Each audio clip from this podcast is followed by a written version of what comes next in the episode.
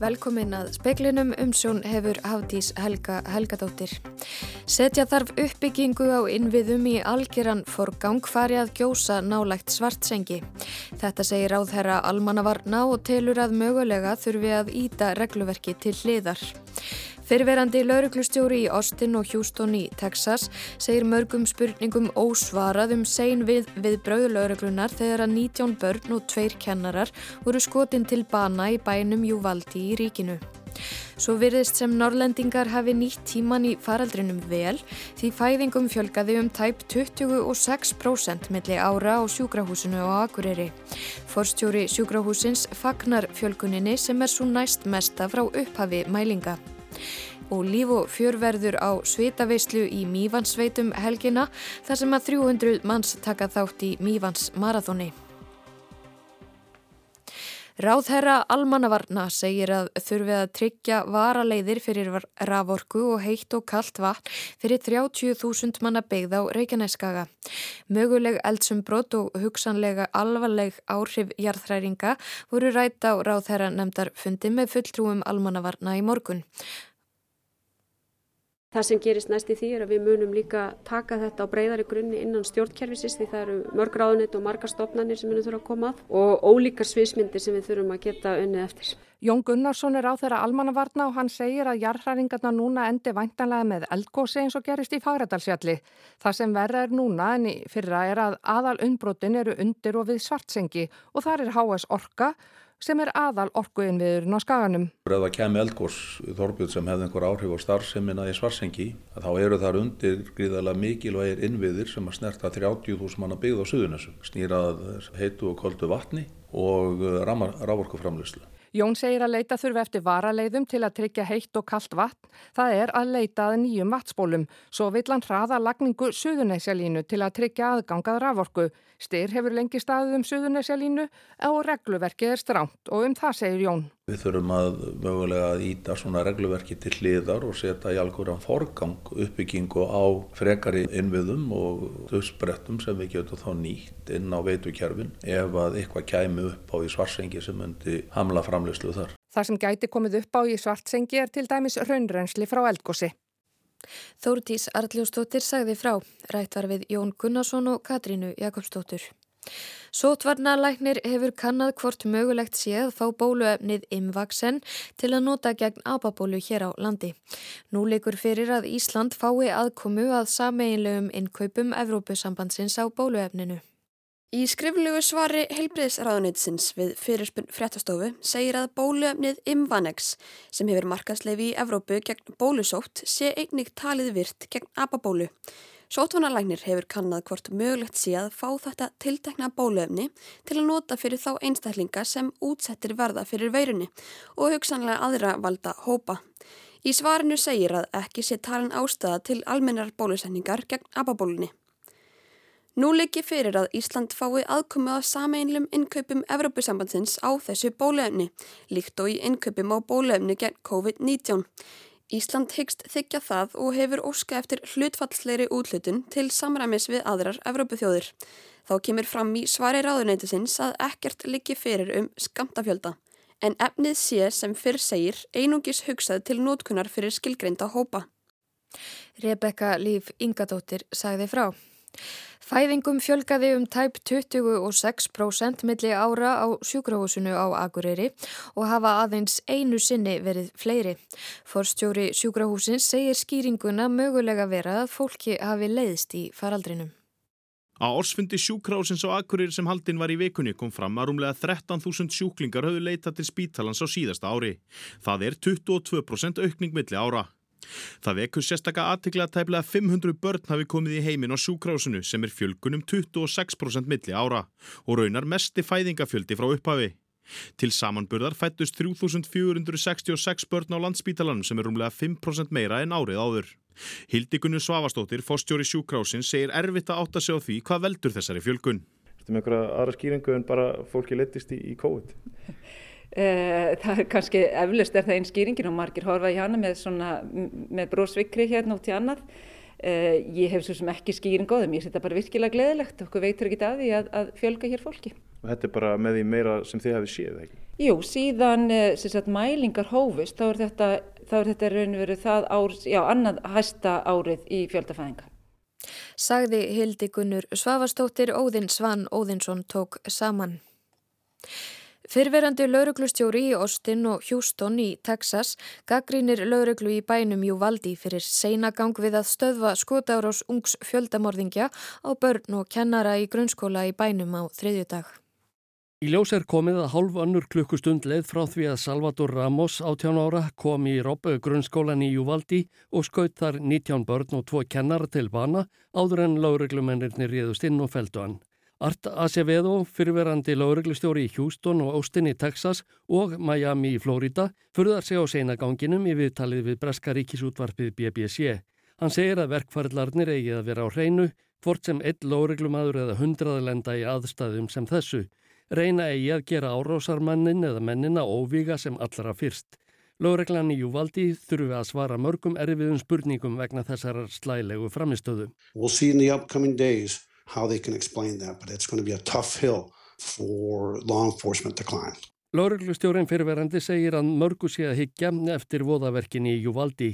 Hann spyr hvernig það megi gerast að átján ára unglingar hafi lögum samkvæmt aðgangað skotvofnum sem nota megi í stríði. Unfortunately in our country we see these uh, teenagers uh, that have access, legal access at the age of 18 to go buy weapons of war. How many more have to die before the Senate in this country does something and changes the law? Hversu margir þurfa að deyja spyr Art Asivedo áður en öldungadel bandarækjathings breytir lögum um skotvopnaeg. Áskeir Tómasson sagði frá. Í kvöld kemur í ljós hvort nýjasta kvikmynd Lins Pálmasonar Volaða land fái verlaun á kvikmyndaháttíðin í Cannes. Kvikmyndin var frumsýnd á háttíðinni á miðvíkudagskvöld og hlutu aðstandendur standandi lovatak í lok síningar. Volaðaland keppur um hilli dómnefndar í floknum Uncertain Regard sem beinir kastljósunu af kvikmyndum þar sem frumleiki og hugrekki engjana verkleikstjóra. Aðstandendur myndarinnar uppskáru standandi lovaklapp að lokinni heimsfrumsýningu og myndin hefur þegar fengið afar í ákvaða dóma í kvikmyndapressunni. Myndin gerist undir lok 19. aldar og fjallar um ungan danskan prest sem siglir til Íslands í því skyni að reysa kirkju og ljósmynda íbúa nýlendunar. Með aðalhlutverk fara Elliot Crosset Hove og Yngvar E. Sigursson. Varæti segir að leikstjórin sé einstakur kvikmyndagerðamaður og styrkist með hverri mynd. Sinni Rópa telur þess ekki langt að býða að Linur Pálmarsson keppi um aðalvelun hátíðarinnar Gull Pálmann sjálfan. Myndin sé stórkoslegt epíst ferðalag sem kafi djúft í efniviðin og gangi nærri personum sem og áhörfundum.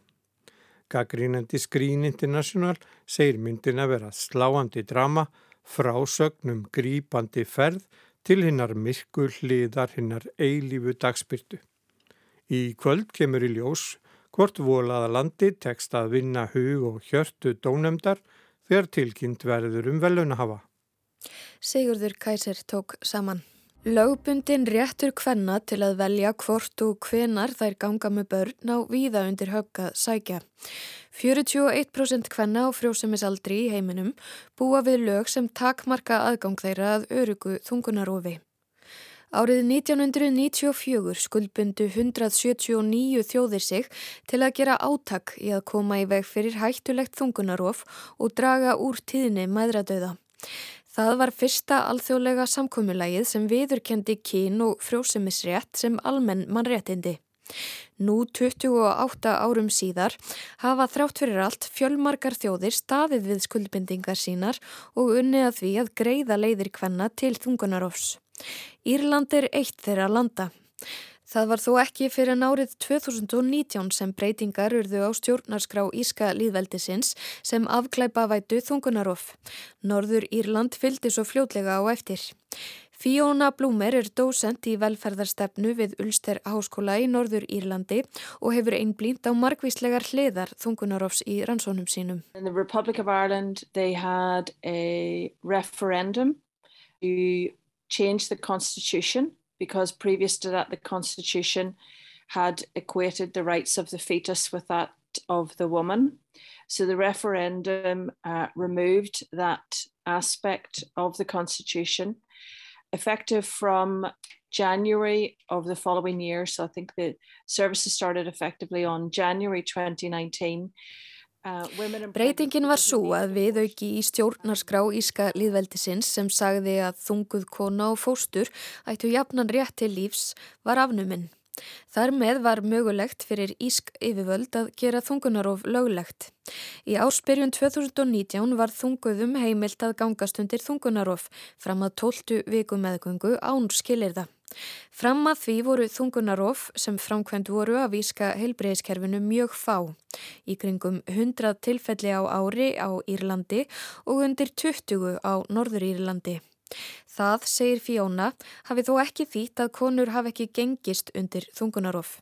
Þær hafi þurft að taka málinn í sínar eigin hendur. Therefore women, anyone who wasn't able to access abortion either had to self-manage their abortion by ordering abortion medication online, or they had to travel to England to access abortion services there. And in Northern Ireland, our law change came in October of 2019, and abortion then became decriminalised. And again, that was a significant change. Prior to that, there were an average of Þúsundir hvenna hafi árlega tekið til sinna ráða. Þær hafi ímist pantað sér lif sem framkalli þungunarof á netinu eða ferðast til Englands þar sem þjónustan er löguleg. Lifin hafi þær geta fengið í gegnum hjálparsamtök á netinu en sá mögulegi er aðeins fyrir hendið fram að tíundu viku meðgöngu. Eftir þann tíma þarf konan að gangast undir aðgerð. Þær sem hafi átt kost á að fara til Englands hafi gert það aðrar hafi farið hættulegri leiðir. Samkvæmt alþjóða heilbreyðistofnun deyja 23.000 konur árlega vegna hættulegra fóstureyðinga og 10.000 til viðbótar verða fyrir verulegum og varanlegum skada vegna þeirra. Fíóna segir að ringun lögjafar greiði leið þeirra sem vilja aðstóðastúlkur og konur við að framkvæma þungunarof á örugan hátt. Dæmi hafi verið um að konur hafi fyrir stjórnarskrár breytinguna á Írlandi lotið dóm fyrir þungunarof. And we had a number of high profile cases prior to that where women had been charged for procuring their own abortions or we had one particular case where a mother had accessed abortion medication for her 15 year old daughter. She was then reported to the police by her local doctor, and her case was brought forward to the courts. Um, that case was then completely um, thrown out of court on the day that decriminalisation happened. Fíóna nefnir mál sem vakti aðtikli þar sem móðir hafði útvegað 15 ára dóttur sinni liv til að framkalla þungunarof. Heimilislegnirinn þeirra tilkynnti hana til laureglu en málið var fellt niður þegar að stjórnarskrár breytingin varð. It's obviously an amazing historical um, legislative change for those who've been campaigning for a long time. A significant success of the campaigning in the Republic of Ireland and Northern Ireland has been to the hard work of activists. And yes, we're very much going against the trend of what's happening in other jurisdictions. So we know that in Poland, for instance, um, abortion is almost completely illegal. And in, in the United States, then it Hún segir lögjöfin að hafa verið sögulega framför í réttindabaróttu Kvenna á Írlandi og Norður Írlandi sem sé fyrst og fremst fyrir tilstilli áratuga langrar réttindabaróttu aðgerða sinna. Þróunin á Írlandi sé öfug við þá sem á sér stað meðal annars í Pólandi þar sem þungunarofir nánast alfarið ólöglegt eftir lagabreitingu sem þar var gerð í fyrra. Í bandaríkjunum sé staðan einnig tvísín. Búist er við að þungunarof verði bannað í fjölda ríkja í bandaríkjunum eftir að hæstiréttur hveður upp dómsinn í þungunarofsmáli seitna í sumar. Fyrir í mánuðunum voru gögn byrst sem síndu fram á að hæstiréttur þar í landi heiðist fella úrgildi úrskurð í máli sem treyði réttin til þungunarofs fyrir hálfri öld. Verði það raunin verður þungunarof samstundi spannað í 22 ríkjum þar sem ríkisting hafa samþygt lögjöf þess efnis. I think it's multi-layered. I think it's a combination of um, you know, right-wing organizations who are against, you know, any kind of liberalization, you know, particularly in social policy terms. I think there um, there are some um, Christian right organizations um, who are, are very powerful and are obviously very powerful at the international stage. Um, you know, for inter for international conferences that are discussing gender, reproductive health, and so on, that a number of those Fíóna hefur rannsakað tengsl trúar og viðhorfs til þungunarofs. Hún segir að viðhorf andvíg þungunarofi megi oft reykja til marglaga blöndu feðraveldis, íhaldsemi og trúar. Kristilegar íhaldsreyfingar hafi mikinn mátt í alþjóðlegri umræðu um málefnið. Reyfingarnar sendi fulltrúa á ráðstefnur þar sem kyn og frjósemisréttur sé rættur til að hafa áhrif á umræðunar. Vatikanið sendi til dæmis fjölmarka fulltrúa á ráðstefnunar, fleiri en öll stærri löndin gera. Hún segir mikilvægt að átta sig á hver viðfeimar reyfinganar eru. Það er starfi á mörgum stegum samfélagsins og einnig alþjóðlega. Þannig hafi til dæmis reyfingar í andstöðu við þungunar og við bandaríkjónum mikil áhrif á þær reyfingar sem starfi á Írlandi. Dæmi séu um það meðal annars á Írlandi að stjórnmálamenn hafi verið beittir þrýstingi af bandarískum samtökum til að taka afstöðu gegn þungunarofi. Affecting law change is really hard work. In Northern Ireland, I suppose, whilst there's been work going on since the 1970s, really the movement to, for decriminalisation was built over a period of 10 years. And that was 10 years with various wins along the way and losses along the way, um, changes in direction, changes in government, um, working with political parties. So, for instance, our political Fíona segir að að baki lagabreitingunni á Írlandi hafi leið mikil vinna. Hún segir baráttuna hafa staðið yfir síðan 1970 en gaggjert hafi verið unnið að afglæpa væðingu þungunarofs síðastliðin tíu ár. Leiðin hafi einkjænst af hæðum og lagðum. Breytingin hafi gengið í gegn fyrir tilstilli samvinnu, stjórnmálamanna og aðgerða sinna og fyrir það sé hún þakklátt.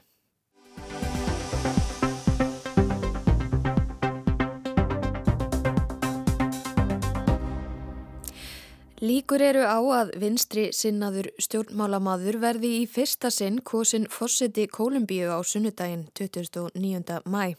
Gustavo Pedro er 62 ára hagfræðingur og þingmaður á kolumbíska þinginu og fyrverandi borgastjóri Bogota, höfuborg landsins.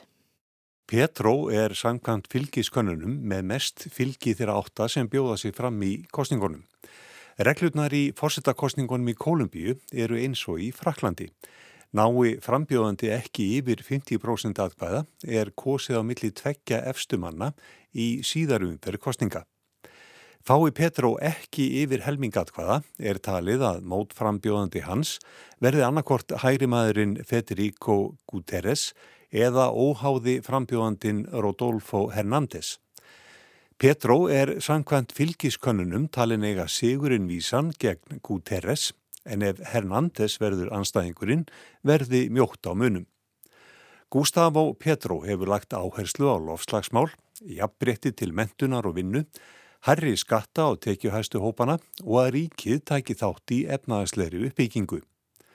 Guterres heldur á lofti hefðbundnum gildum hægrimanna um að skapa góð skilirði fyrir enga framtak og viðskipti sem skapi aukna atvinnu og almenna velsæld. Hernández sem er forríkur 77 ára fasteignakongur og með engin sjáanleg tengsl við helstu pólitísku öll-landsins byggir sinn málflutning á að berjast gegn glæpalíð og spiltu stjórnkerfi. Þær áherslur virðast líkleri til að sameina anstæðinga Petros í setni umferð ef til hennar kemur en hægri stefna Guterres. 50 miljónir manna búa í Kolumbíu sem er landfræðilega fjölbreytt land. Þar eru regnskóar, eðimerkur, strandlengjur að Kirrahafi og Karibahafi, grassteppur og hálendi. Íbúarnir eru af evróskum, afrískum og frumbyggjaættum og ofinbertungumál er spænska. Landið lísti yfir sjálfstæði snemma á 19. öld en eins og víða í löndum Suður Ameríku hefur pólitískur óstöðuleiki einkent sögu landsins, spilling og misskipting. Vopnaðir byltingar sinnaðir hópar fóru að láta að sér kræla á sjönda áratug síðustu aldar og stjórnvöld áttu í áratuga stríði við fark-hreyfinguna en fríður komst á árið 2016. Allskins glæpa hópar og eitulífja mafjur flæktust inn í stríð fark og stjórnvalda sem var þeitt helsta innan megin kolumbísku þjóðarinnar. Efnahagurlandsins tók við sér í byrjun þessar aldar en bakslag kom í COVID-faraldrinum. Gustavo Petro bendir á að kökunni hafi ekki verið jamt skipt. Uppgangurinn hafi verið sumra en ekki allra. Petro á sér sögu sem byltingar sinni. Hann var aðeins 17 ára þegar hann gekti liðs við vopnaða skærluðarhefingu að nafni M19. Hann var handtekinn og dæmdur í tveggjára fangelsi á nýjunda áratögnum fyrir vopnasölu en komst í sviðsljósi þegar hann samti frið við stjórnvöld fyrir hönd sinna reyfingar og tók þátt í að semja dröga nýri stjórnarskrá landsins. Hann var kosin og þing skömmu eftir aldamót og var þar í fararbróti þingnefndar sem rannsakaði tengsl nokkura íhalsþingmana við hríðuverka hópa. Trátt fyrir morðhótanir bauð hann sig fram sem borgarstjóri í Bókóta og vann þær kostningar árið 2011. Hann komst í aðra umferð fórsetakostningan árið 2018 þegar hann bauði sig fram í annað sinn en tapaði þá fyrir íhalsmanninum Ívan Duque. En nú virðist hann sigur stránglegastur. Forsetar Kolumbíu og valdamestu stjórnmálaflokkarnir hafa í háa herrans tíð verið í nánum tengslum við ríkustu fjölskyldu landsins og öflug valdamikil fyrirtæki. Anstæðingar hans líkja Petro við fyrverandi forsetan ágrannaríkisins Venezuela, Hugo Chávez. Kolumbía gæti orði nýtt Venezuela með efnahag í kalda kóli, þjóðnýtingu engafyrirtækja, rittskoðun og kúun. Þetta segir Gustavo Petro hinn að mestu fyrru. Hann ætlaði að imblína á að koma á réttlæti og jafnbretti sem hafi átt undir högg að sækja um áratuga skeið og orðið til þess að ofbeldi og eitulifja mafjur hafa þrifist í landinu eins og púkin á fjóspítanum. Hann sé ekki populisti. Umbæturnar verði gerðar á friðsælan hátt. En það verður ekki auðveld. Petró vill meðal annars snar minka ólíuframleyslu landsins af umhverfis ástæðum og leggja meira áherslu á túrisma í efnahaga landsins. Lóra Gíl, stjórnmálafræðingur við Haverína háskólan í Bókóta, segir í viðtali við Los Angeles Times að Sigri Gustavo Petro í kostningunum þá taki við fjögur stormasum ár í kolumbískum stjórnmálum. Petro þurfi að sanna að vinstri hreyfing hans geti unnið eftir leikareglum líðræðis og að hann geti haft heimil á sínum rótækustu félögum. Þá þurfi hann að takast á við anstæðinga sína á hægri vagnum sem reyna hvað þeir geta til að hindra framgang stefnumála hans. Á sunnudag kemur í ljós hvort hann verður kosin beint í ennbætti fórseta Kolumbíu með yfir helmingi aðkvæða eða hvort hann þurfa að kljást við Federico Guterres eða Rodolfo Hernández í síðaru umferð. Kristján Sigur Jónsson sagði frá.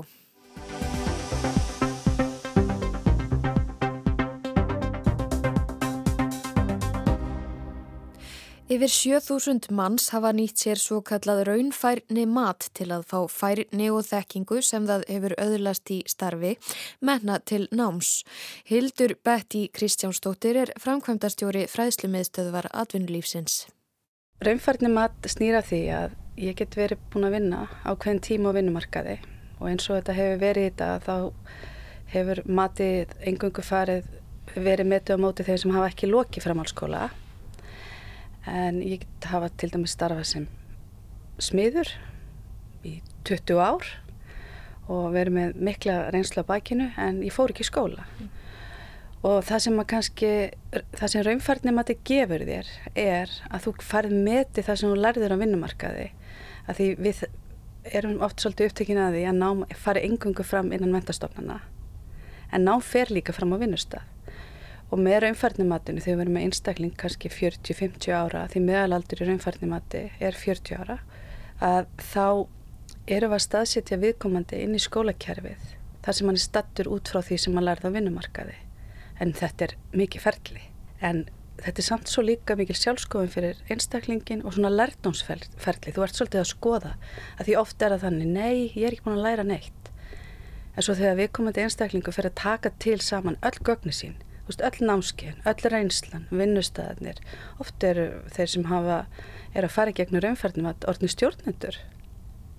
En það er á endanum oft þessi viðurkenning sem að einstaklingurum vill frá samfélaginu er þegar þú ert komið með prógraðuna og það kannski tengist aðeins rannsóknir sem ég er að vinna í að við erum kannski búin að vera í starfi lengi líður vel kunnum starfið okkar vel en að vera, en svo er það þessi krafa frá samfélaginu að við höfum lokið til dæmis húsasmiðnum. En sem komið er býðst raunfærni mat aðeins í völdum yðngreinum en Hildur segir það aðeins byrjunina. Eitt daginn átt eftir að koma inn í háskóluna. Það er náttúrulega, það, maður sér það á Norðurlandunum og í Evrópu, þá er það komið og það má líka hugsa það þannig að það er dýrt að setja okkur alltaf inn, á, inn í kerfið á þann stað þar sem við nú þegar höfum lært.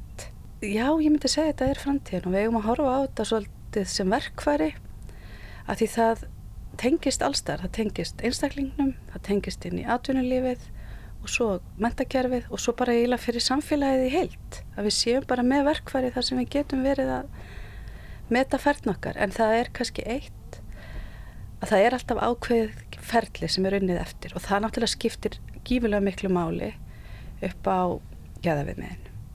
Hildur Betty segir framkvæmt raunfærni matsins vera vandasama, ekki síst til að fólk gangi ekki ósátt eða brotið frá ferlinu. Þá skiptir svo miklu máli eins og fyrir þá sem að framkvæma raunfærnum að því símyndunum miðstöðarnar við svöðunum landið, þær eru framkvæmdar aðalirnir við höfum verið í þróun á verkfærinu. Að þá skiptir jafn miklu máli að skima vel og rína í, þú veist, í hvaða áfanga er verið að fara með á móti að því það er heldur ekki gott að fara með viðkomandi í viðtal og svo getur hann ekki átt þetta samtal og finna þá, að ah, já ég bara geti þetta ekki. Að því við viljum ekki heldur að fólk upplifi svona ákveð skipsbrot aftur kannski. Að það gekk, gekk kannski ekki vel í framháskóla eða þegar voru einhverjar aðrar aðstæður svo fer það í matið og þá skiptir bara hlutverkur ágefuna miklu máli. Upplifir fólki þetta sem svona berskjöldun? Já, sumir gera það og ég man alltaf eftir einu sem ég tók viðtal við að þegar hann var að fara í matsjötal og satt hann fyrir utan í bílnum og bara því líka viðlisa, hvernig dettu mér í því hug? Fara að sitja þarna fyrir framann eitthvað að tvo kennara og þeir fara að spyrja mig spurninga út úr, út úr hérna, því sem ég hef lært á vinnumarkaði. Svo sagði hann, svo því ég kom inn og hitti þá þá var þetta bara svo notalegt, þetta var bara svona eins og hvert annað kaffispjall. Ég upplifið með örugan og ég kom út með einhverjar 50 eitthvað einingar. Þetta er einhvern veginn það sem að þekkir ekki þá kemur oft hræðsla mm. eða óöryggi. Sko, e, við getum horta á þetta þannig að eins og með vinnumarkaðin á Íslandi þá eru hansi stór hópur eða hann hefur nú öfmingað 22% sem hafa ekki lokið framhanskólan á mig og er það endilega mælikvarðin að þá sé það eitthvað slæmt þurfa allir að vera með framhanskólapróf þetta er einn spurning sem við þurfum að spyrja okkur að því meðan þau eru í starfi oft þá eru þau örug þanga til að það kemur einhver inn sem er með mentun. Raunfærni matið hafi þá hjálpað fólki að styrkja stöðu sína. Hildur hvetur fólk til þess að kanna hvort raunfærni mat geti gagnast viðkomandi. Að þá er hægt að hafa samband við símyndunarmistöðar við Svörunlandið og það er þeim á kostnæðalösu sem hafa ekki lokið framhalskóla og um að gera bara að panta viðtal hjá ráðgjáfa og sjá hvert það leiðir sig að því fyrsta skrefi er bara að hafa samband. Segir Hildur Betty Kristjánsdóttir. En veður horfur á landinu til miðnættis annað kvöld, hæg breytileg átt og allviða bjartviðri á morgun, hitti 10 til 17 stig, hlýjast í insveitum. Fleira er ekki í speklinum í kvöld, tæknumadur í útsendingu var Magnús Þorstein Magnússon, veriði sæl og góða helgi.